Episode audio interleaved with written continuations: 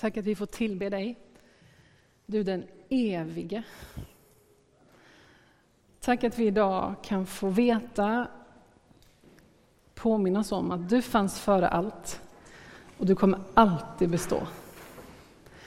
Därför finns det inga situationer som vi inte kan komma till dig med. Du står liksom bortom och utanför allt. Och du kan gripa in i allt. Vi tillber dig, du den helige. Och tack att vi också den här helgen speciellt får påminna oss om att det ska vi få göra i evigheters evigheter. Vi ska få se dig en dag. Vi ska få möta dig och vi ska få vara med dig i en, en ny värld, Herre, där det inte finns någon sorg, inga sjukdomar, inga bekymmer, utan vi ska få leva i gemenskap med dig och tillbe dig inför din tron. Tack att vi får vara tillsammans på det här sättet inför ditt ansikte. Få påminnas om vem du är. Komma till dig med våra hjärtan, med våra liv. Ta emot vår tacksamhet, Herre. Ta emot vår tillbedjan. Vi vill att du ska bli stor i våra liv. Precis så som du är stor. Amen. Jag heter Eva-Marie, kallas Ea för dig som inte har mött mig innan. Och nu ska jag i, jag vet inte, 30 minuter kanske säga allt det där som ni redan har hört, fast lite mer omständigt så som man gör i predikan. Ni har fått höra redan det här allra mest liksom substansen av profetians gåva. Eh, så nu blir det repetition och som sagt lite mer utförligt och ordrikt kanske. Eh, I oktober och november så har vi ju då hållit på med det här temat som du hörde i början på gudstjänsten, Andens gåvor.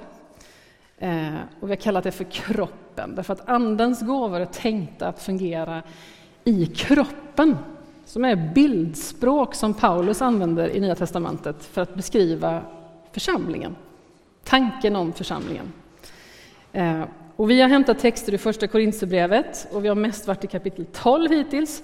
Och det här är liksom någonstans också lite startskott för att vi ska studera Första Korinthierbrevet under hela det här läsåret. Därför har det också startat bibelstudier varannan torsdagkväll. Och i torsdags så var det premiär och jag var inte där. Men jag har hört rykten om att det var väldigt mycket folk. Väldigt mycket folk. Eh, så håll utkik efter det och häng på det och studera Första Korintierbrevet. Och jag ska bara göra en jättekort så här recap vad vi har sagt de här veckorna. Eh, för det första har vi sagt att vi var och en, du, behövs. Att du har fått gåvor och att utan dig skulle den här kroppen, Kristi kropp, inte vara komplett.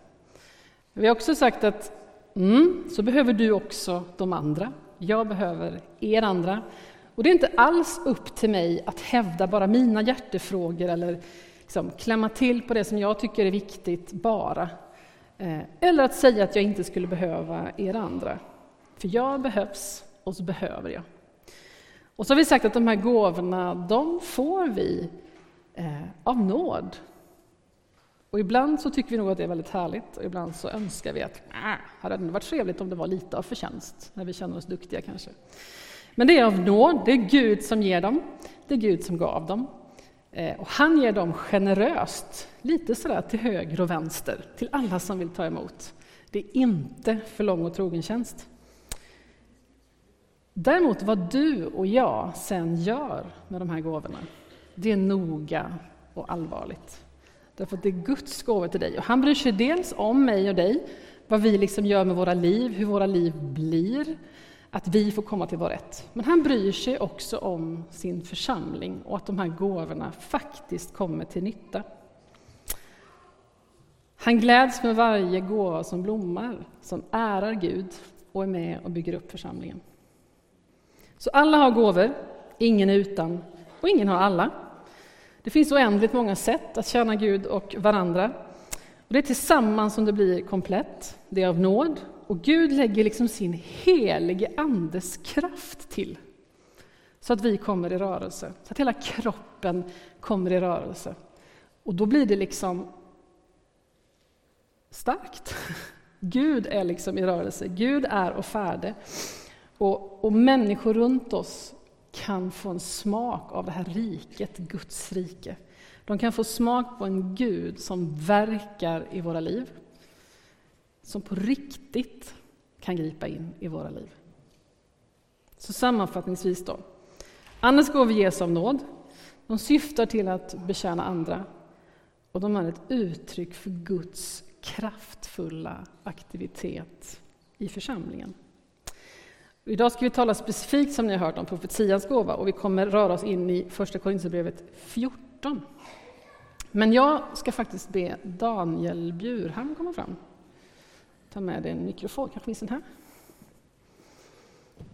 Nu kan man tro att jag har sponsrat dig, men det har jag inte. Du satt ju här och lyssnade på det här som jag precis har sammanfattat. Ja. Och vad hände då? Det är han som har bett om att få berätta det, jag måste bara säga det. Eh, nej, men jag har varit lite utmanad och funderar på liksom vad är, är min eh, vad är min del i den här stora kroppen? Vad, vad kan, vad kan jag bidra med? Eh, och sen så blir man ju också lite så här, lite orolig kanske. Tänk om Gud vill att jag ska ansvara för, att, för bakningen till kyrkkaffet eller något sånt. Det skulle gå helt åt skogen. Eller om jag... Eh, ja, och så börjar man fundera på liksom, men, men vad, vad, vad är mina, alltså vad är det jag, vad är mina intressen? Alltså ganska så här konkret liksom.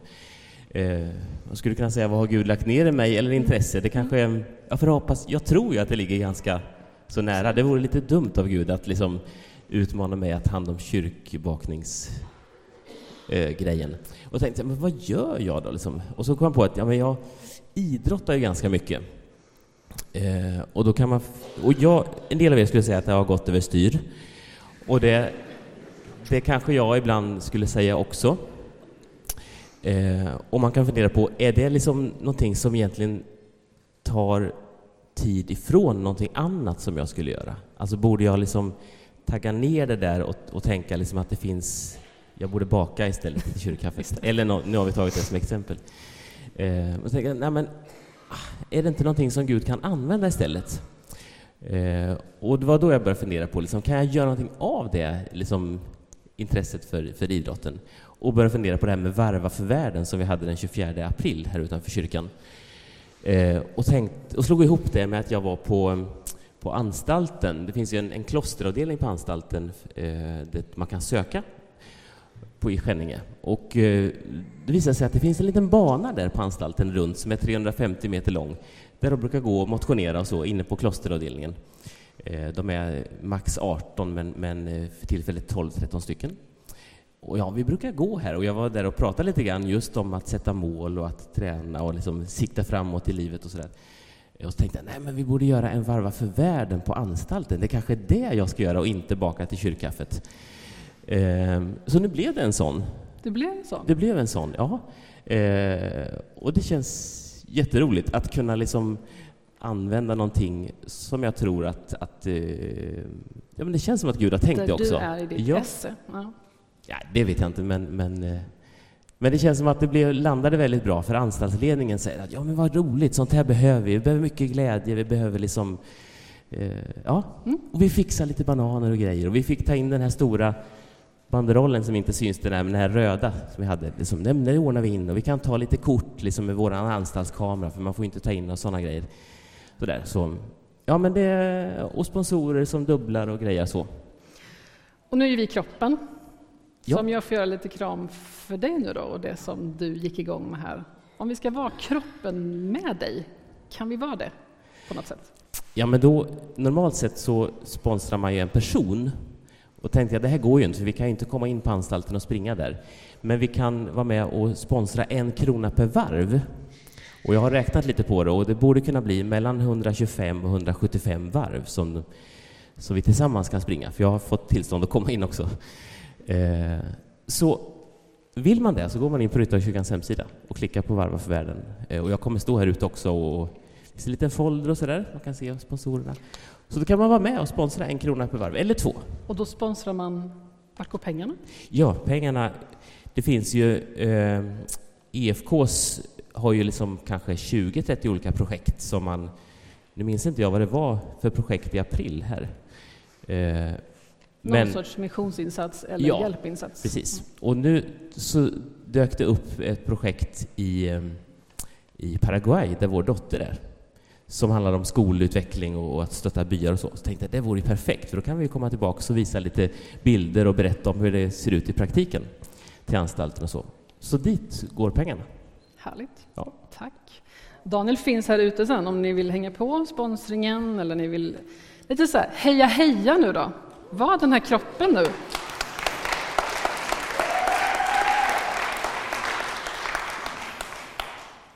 Andens gåvor är inte så förfärligt flummigt. Det kan ta sig uttryck i löpning och eh, ledarskap och eh, att komma in i rätt tid på rätt sätt så att det blir till glädje för många. När vi läser första Korinthierbrevet så kan vi veta att Paulus skriver till en församling som på många sätt har blivit lite rörig. Eh, det finns en hel del överandlighet. Det finns osund andlighet och troligen så ville man skryta med sin andlighet. Därför står det ganska mycket i kapitel 14 om tungotal och hur det ska gå till. Eh, man verkar nästan vilja bräcka varandra i Korint med tungotal, som ett sorts så här, det yttersta tecknet på min fantastiska andlighet. Så Paulus säger ganska skarpt i kapitel 14, vers 18 så här. Gud vare tack! Jag talar mer med tungor än någon av er. Men i församlingen vill jag hellre tala fem ord med mitt förnuft så att också andra får lära sig något, än tusentals ord med tungor. Han är därför inte på något sätt emot tungotal. Han säger tidigare i kapitlet, jag vill gärna att ni talar med tungor. Jag vill helst att ni profeterar. Men någonting har gått överstyr i Korint och stora delar av det här kapitlet 14 handlar om att vi behöver bli begripliga i vårt utövande av Andens gåvor. Och allt det här kan man ha med sig in i det här kapitel 14. En annan sak är att Paulus precis i kapitel 13 har talat egentligen enbart om kärleken. Om kärleken som det enda som faktiskt ska bestå i evighet. Eh, när liksom tungotalandet tar slut och när det profetiska tar slut och allting annat tar slut så ska kärleken bestå. Och hans poäng är att när vi bygger upp församlingen och tjänar den här världen i Andens gåvor så behöver det ske liksom i kärleken, genom kärleken, på grund av kärleken. Det är viktigt att förstå att vi alla är beroende av varandra, men ingenting är viktigare än att allt det här sker i kärlek. Och så vänder han tillbaka och så börjar han tala om gåvorna igen när vi nu går in i kapitel 14. Han säger då i den allra första lilla versen i kapitel 14, och det här är en sån här bra minnesvers. Det står det så här. Sträva efter kärleken, alltså, som han har talat om i ett helt kapitel. Men sök också vinna de andliga gåvorna, helst gåvan att profetera. Sök, sträva efter kärleken, men sök vinna de andliga gåvorna, helst gåvan att profetera. Ordet profetera betyder att man bär fram någonting. Och I det här fallet blir det att man bär fram ord och tilltal från Gud. Att man liksom genom vad Anden inger, eller Anden förmedlar, så kan vi få förmedla någonting från Gud. Och Det kan ju kännas ganska stor, storvulet eller till och med kanske ganska pompöst. Och jag gillar vad min kollega Lennart Hamberg brukar säga, att det är Guds viskningar. Gud talar hela tiden, han viskar in i våra liv. Och ofta väldigt enkelt, som vi hörde i vittnesbörden innan. Hur Gud viskar, hur han påminner, hur han utmanar, hur han uppmuntrar och peppar, hur han kanske undrar. Hur han utmanar och tröstar. Och hur det sker precis hela, hela tiden. Guds viskningar. Det fanns profeter i Gamla testamentet. De hade kanske säkert skägg, sådär som vi kanske tänker när man tänker på en profet. Och det var ett samlande begrepp för profeter och siare och faktiskt i allmänna ordalag en gudsman. Gud använder de här för särskilda tider, för särskilda situationer, för att tala till sitt folk. Men så kommer det en profet, Joel, i Gamla testamentet, som profeterar om framtiden och säger så här. Det ska komma en tid då jag utgjuter min ande över er alla. Era söner och döttrar ska profetera. Era gamla män ska ha drömmar och era unga män ska se syner. alltså alla slags människor, ska få Guds vilja uppenbarad på alla slags sätt. Och den tiden lever vi i, för Anden kom, och han kom på den första pingstdagen, precis som Jesus hade lovat. Lärjungen Petrus han predikar för hela Jerusalem den där dagen om vad som har hänt och tar spjärn just i den här texten från Joel. Och så skriver Paulus också, sök vinna den här gåvan att profetera. Det som Gud skulle ge liksom till alla. Det verkar vara för alla.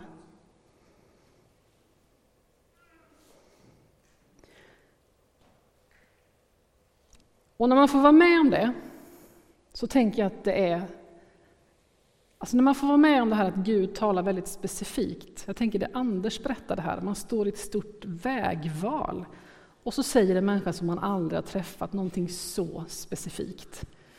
Det är inte så ofta vi är med om det kanske, men det är ju som att få stå på något sätt i en sån här, jag vet inte om det är någon följespottar här, få stå liksom som i en Guds följespott av ljus och uppenbarelse och kärlek.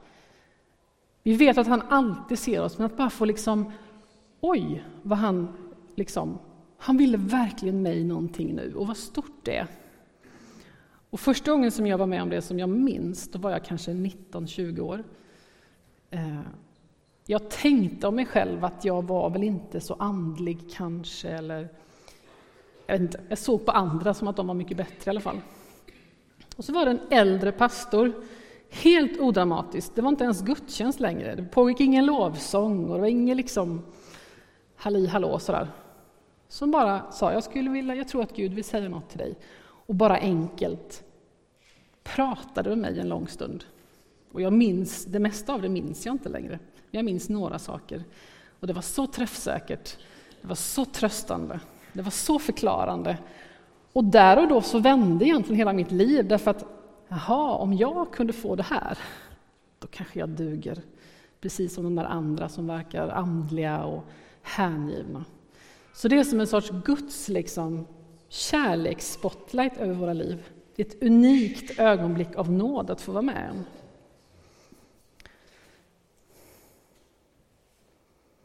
Hela kapitel 14 handlar egentligen i sin helhet om begriplighet. När Andens gåvor är i funktion så är det inte ledord som nu blir det obegripligt, konstigt, svårtytt eller till och med lite obehagligt. Nu blir det istället begripligt, kärleksfullt, uppbyggligt och med liksom en eftersmak av att ha fått saker klarlagt och upplyst och uppenbarat. I kapitel 14 visar Paulus både att det profetiska är och ska vara begripligt för den som tror men i vers 23 25 så talar han också om att ja, men du vet, när någon som ännu inte tror, som inte vet att Gud finns, som inte har fått märka att han är personlig, när en sån person får ett tilltal från Gud, så kommer han falla ner på sina knän och säga, här finns verkligen Gud. Att Gud talar specifikt, att han vet om oss där vi lever och rör oss. Det är för alla. Hur kan man använda en sån här gåva, sin profetiska gåva? Och hur kan vi få se den användas? Alltså en sida, och den kanske stora sidan, det är ju helt uppenbart så att det är att vi får till oss ord från Gud, direkta ord från Gud, till en annan människa eller till ett helt sammanhang. Och vi kanske vet vem det är till, för en människa vi får syn på i vår cellgrupp, eller i en gudstjänst, eller på ett släktkalas, eller vad det nu är, på jobbet. Eller så vet vi inte vem det är till. Du kanske sitter så här i en gudstjänst och bara får en känsla av att ja, men det är ju någon som skulle behöva få den här uppmuntran. Du vet inte vem det är till. Och så kan det också vara, då får vi förmedla det lite mer allmänt. Och en annan sida tror jag är att vi tjänar kanske egentligen liksom en annan gåva för tillfället. Men att det får ligga liksom ett profetiskt raster över det. Eller får gå som ett profetiskt liksom, stråk igenom det vi gör. Så att det kan få bli träffsäkert, exakt, tajmat. Och så kan det få betyda mer för mottagaren än vad vi någonsin kunde förutse. Det kan vara en gåva, det kan vara ett telefonsamtal, en hjälpande hand, ett förslag, en bön, en sång, en orgelton kanske, en predikan. Det kan få komma så i rätt tid och så på rätt sätt att det blir mer än bara den här gåvan. Mer än bara de här orden, mer än bara den hjälpande handen. Det kan få bli ett budskap från Gud, att han inte har glömt, att han fortfarande ser. Att han förser. Jag får veta att jag är kanske på rätt väg i alla fall, att allt kommer att lösa sig. Birgitta Fransén, hon sitter där nere i en bänk. Det är en av mina kollegor, hon är församlingssyster. Hon tänker jag är en typisk sån person som har ett profetiskt stråk i det hon gör. hon berättar inte allt, men hon berättade bara i förbifarten häromveckan att hon hade ringt ett samtal och hon hade kunnat hjälpa en person. Jag tror att jag ringde på rätt dag och på rätt stund. Så att det här blev en sån väldigt tydlig och uppmuntrande hjälp. Jag är helt övertygad om att det var Guds viskning till Birgitta. Guds påminnelse, ring nu det där samtalet. Och då blev det mer än bara någon hjälpte till att bära väskan. Liksom. Det blev ett vittnesbörd om att Gud har inte glömt in i den människans liv. Min egen svärmor är typexempel på detta. Som bakar bullar i rätt tid, som ger en slant i rätt tid, som ringer upp i rätt tid, som påminner i rätt tid. Jag tänker att våra förebedjare som är igång här i slutet på varje gudstjänst, hela tiden talar Gud till dem och de får be specifikt och vältajmat. När vi får ta emot ord från Gud profetiskt så kan det ske på en mängd sätt, säkert på lika många sätt som vi är människor. Kanske är du en sån som får en bild i din tanke, som du försöker tolka och förklara till någon annan. Kanske får du bara en, liksom en känsla som du sätter ord på. Kanske får vi ibland exakta ord. Kanske är de orden till och med i Bibeln eller en sångtext. Kanske får du syn liksom, på någonting runt dig som blir den här bilden. Det vi upplever att vi vill förmedla profetiskt, det råder vi över. Och det är viktigt. Vi står inte under någon sorts magisk makt där vi inte liksom längre kan välja vad vi säger. Vi ansvarar för vad vi bär fram. Vi sållar i vishet. Vi håller kanske ibland tillbaka vissa saker. Och vi profeterar aldrig om födslar, giftermål och dödsfall. Och det kan verka självklart, men värre saker har nog hänt.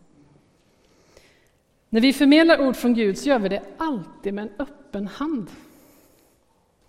Och när vi säger någonting direkt till en person så är det extremt viktigt. Vi måste lämna den här öppningen för personen att avfärda. Vi är ödmjuka och kärleksfulla och vi betonar att personen som vi talar till får pröva, ta emot eller slänga bort. Det vi säger ska givetvis stämma med vad som står i Bibeln. Ingen av oss kommer få ett tilltal från Gud som strider med det.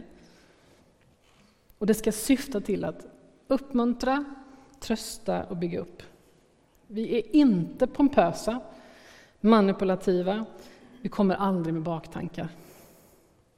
Och jag tänker att ju yngre och liksom mer oerfaren en person är i förhållande till mig, och det blir ganska många, så, i alla fall yngre, så är jag extremt ödmjuk och noga när det gäller de här sakerna. Jag lägger inte på en ung människa eh, någonting över dens liv som inte var tänkt att hamna där. Ibland kanske vi inte ens ska säga det där vi får till oss. Det kanske istället ska bli vår bön. Och jag tror att vi alltid måste pröva våra motiv. Varför gör jag detta nu? För min ära eller Guds? För min position eller för personens uppbyggelse?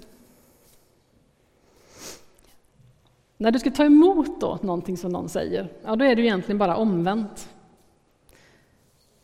Du prövar det som sägs. Stämmer det med Bibeln? Stämmer det med vad du har lärt dig om Guds vilja? Du är förmögen att avgöra det. Du behöver aldrig ta emot någonting som du tycker inte känns bra. Känns det gott, liksom?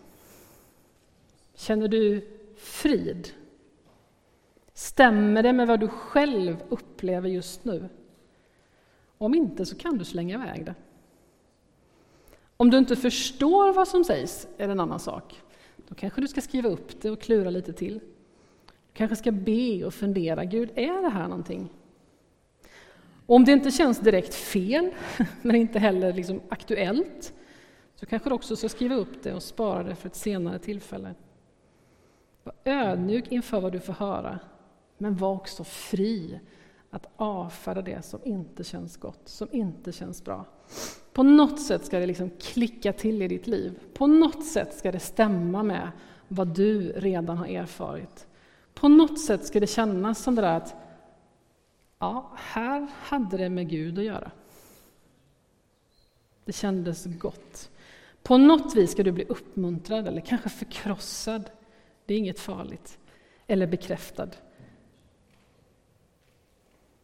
Blir du osäker så är det ju faktiskt bara att gå till någon och prata om det. Din cellgrupp, eller någon ledare eller en samtalspartner på något sätt. Det är inget hokus pokus. Det här är liksom alla delarna i kroppen som tjänar varandra efter bästa förmåga.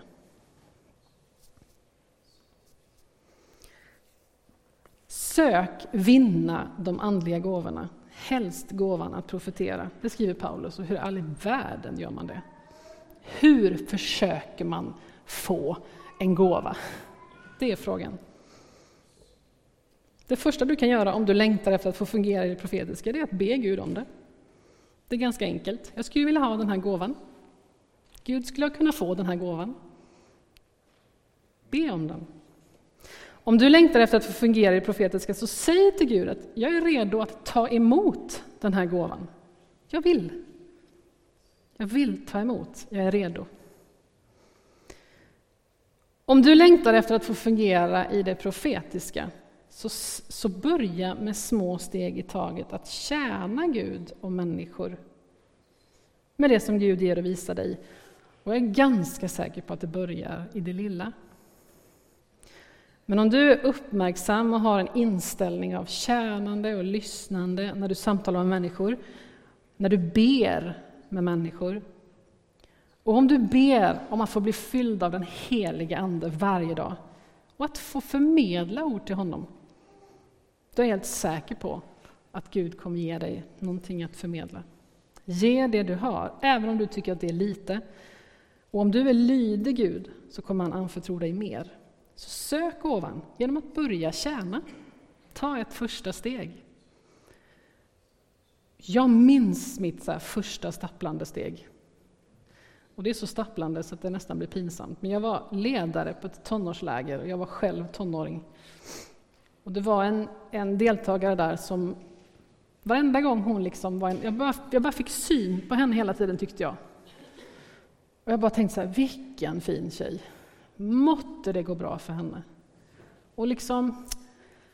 Och jag, jag skulle vilja, jag skulle vilja liksom, att hon skulle veta det bara. Att hon skulle vara rädd om sig. Ja, så. Så jag sa det där till slut. Du, det här är så. Men jag känner att jag bara ska säga att var rädd om dig. Så. Och den här lilla tonårstjejen, hon var där många tonårstjejer är, i valet och kvalet om framtid och vad ska jag göra och är det här för stora planer och massa saker.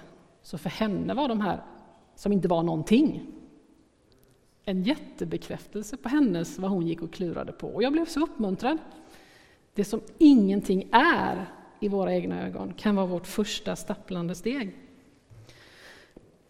Och du som redan har varit med om det här mycket då, fortsätt att söka vinna den här gåvan, det profetiska. Fortsätt att växa. Håll den vid liv, blås ständigt nytt liv i den, läs på, tillbringa tid med Gud.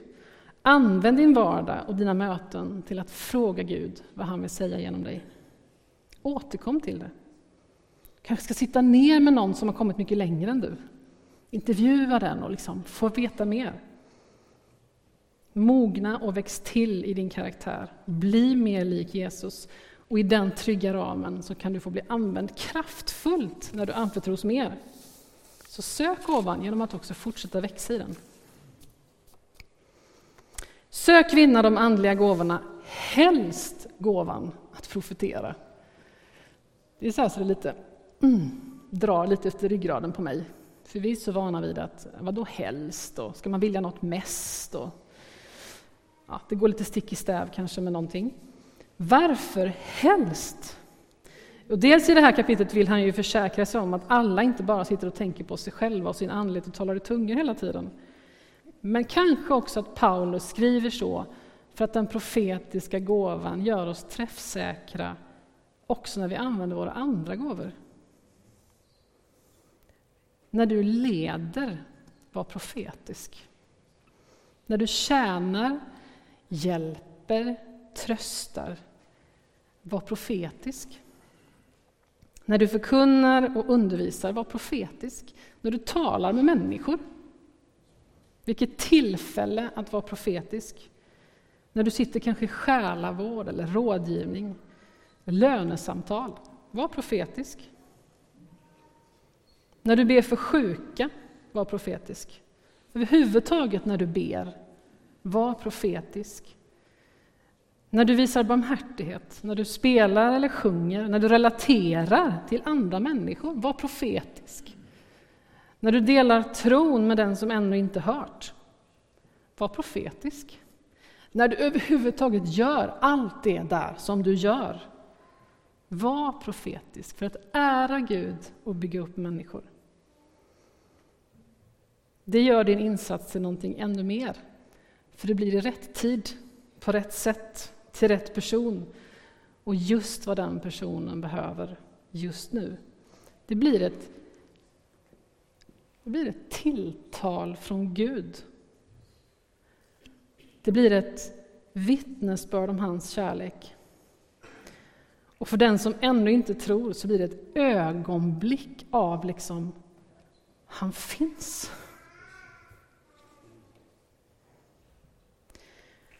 Vi har genom den helige Ande tillgång till, möjlighet att höra Gud tala. I fredags satt jag och stirrade på min dataskärm så här och läste den där meningen. Vi har genom den helige Ande tillgång till möjlighet att höra vad Gud säger. Och har du gått på många gudstjänster och varit kristen länge så är det här så självklart så vi reflekterar inte ens. Vi har möjlighet att höra vad Gud säger. Vi har möjlighet att få höra hans viskningar. Vi har möjlighet att få ta emot hans riktning. Hans klarhet över någonting som är snårigt. Hans uppmuntran där vilsenhet och modlöshet eller sorg råder. Hans viskningar, hans kunskap, hans vishet den evige Gudens förmåga att se bortom tid och rum. Och hur skulle kroppen, Kristi kropp, kunna vara utan just det, när den ska vara Kristi kropp? Hur skulle vi kunna vara utan den möjligheten? Hur skulle vi kunna vara utan den tillgången till den förmågan att höra vad Gud säger? Det är inte konstigt att Paulus säger sök helst vinna gåvan att profetera. Låt oss be.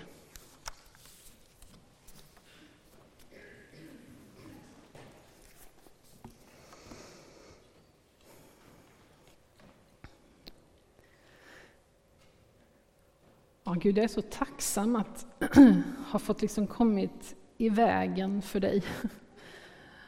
Att redan från barnsben ha fått lära känna dig. Det är så många som inte har det och jag är så tacksam över det. Och att få ha liksom ditt liv i mitt liv och att få ha möjligheten till en sån här relation med min skapare, med den evige guden. Den Gud som säger att jag är kärlek, med den guden som kommer med glädje och hopp och frid. Och som om inte allt det här vore nog så har du kommit oss så nära. Du har själv klivit ner på jorden Och då har du dessutom gett oss din helige Ande att bo i oss. Och du har sagt att vi kan få höra dig tala. Så nära kommer du, så att du talar med oss. Hur skulle vi kunna vara utan det? Hur skulle vi inte sträcka oss efter det? Hur skulle vi inte söka att vinna gåvan att profetera? Gåvan att höra från dig, gåvan att ta emot från dig och bära fram från dig. Och vi som din kropp, vi som din församling, vi behöver dina ord så ofantligt mycket. I våra enskilda liv behöver vi det så otroligt mycket. Att du viskar, att du visar, att du riktar in oss, att du leder, att du uppmuntrar oss här, att du liksom påminner oss. Så att vi hela tiden får vara liksom på spåret. Och tack för att du ville ge den här uppmaningen till hela din församling. Sök den här gåvan. Uppehåll er vid att höra min röst. Var lite envisa, lite enträgna, lite angelägna. Gå inte förbi det här. Gå inte förbi den här möjligheten.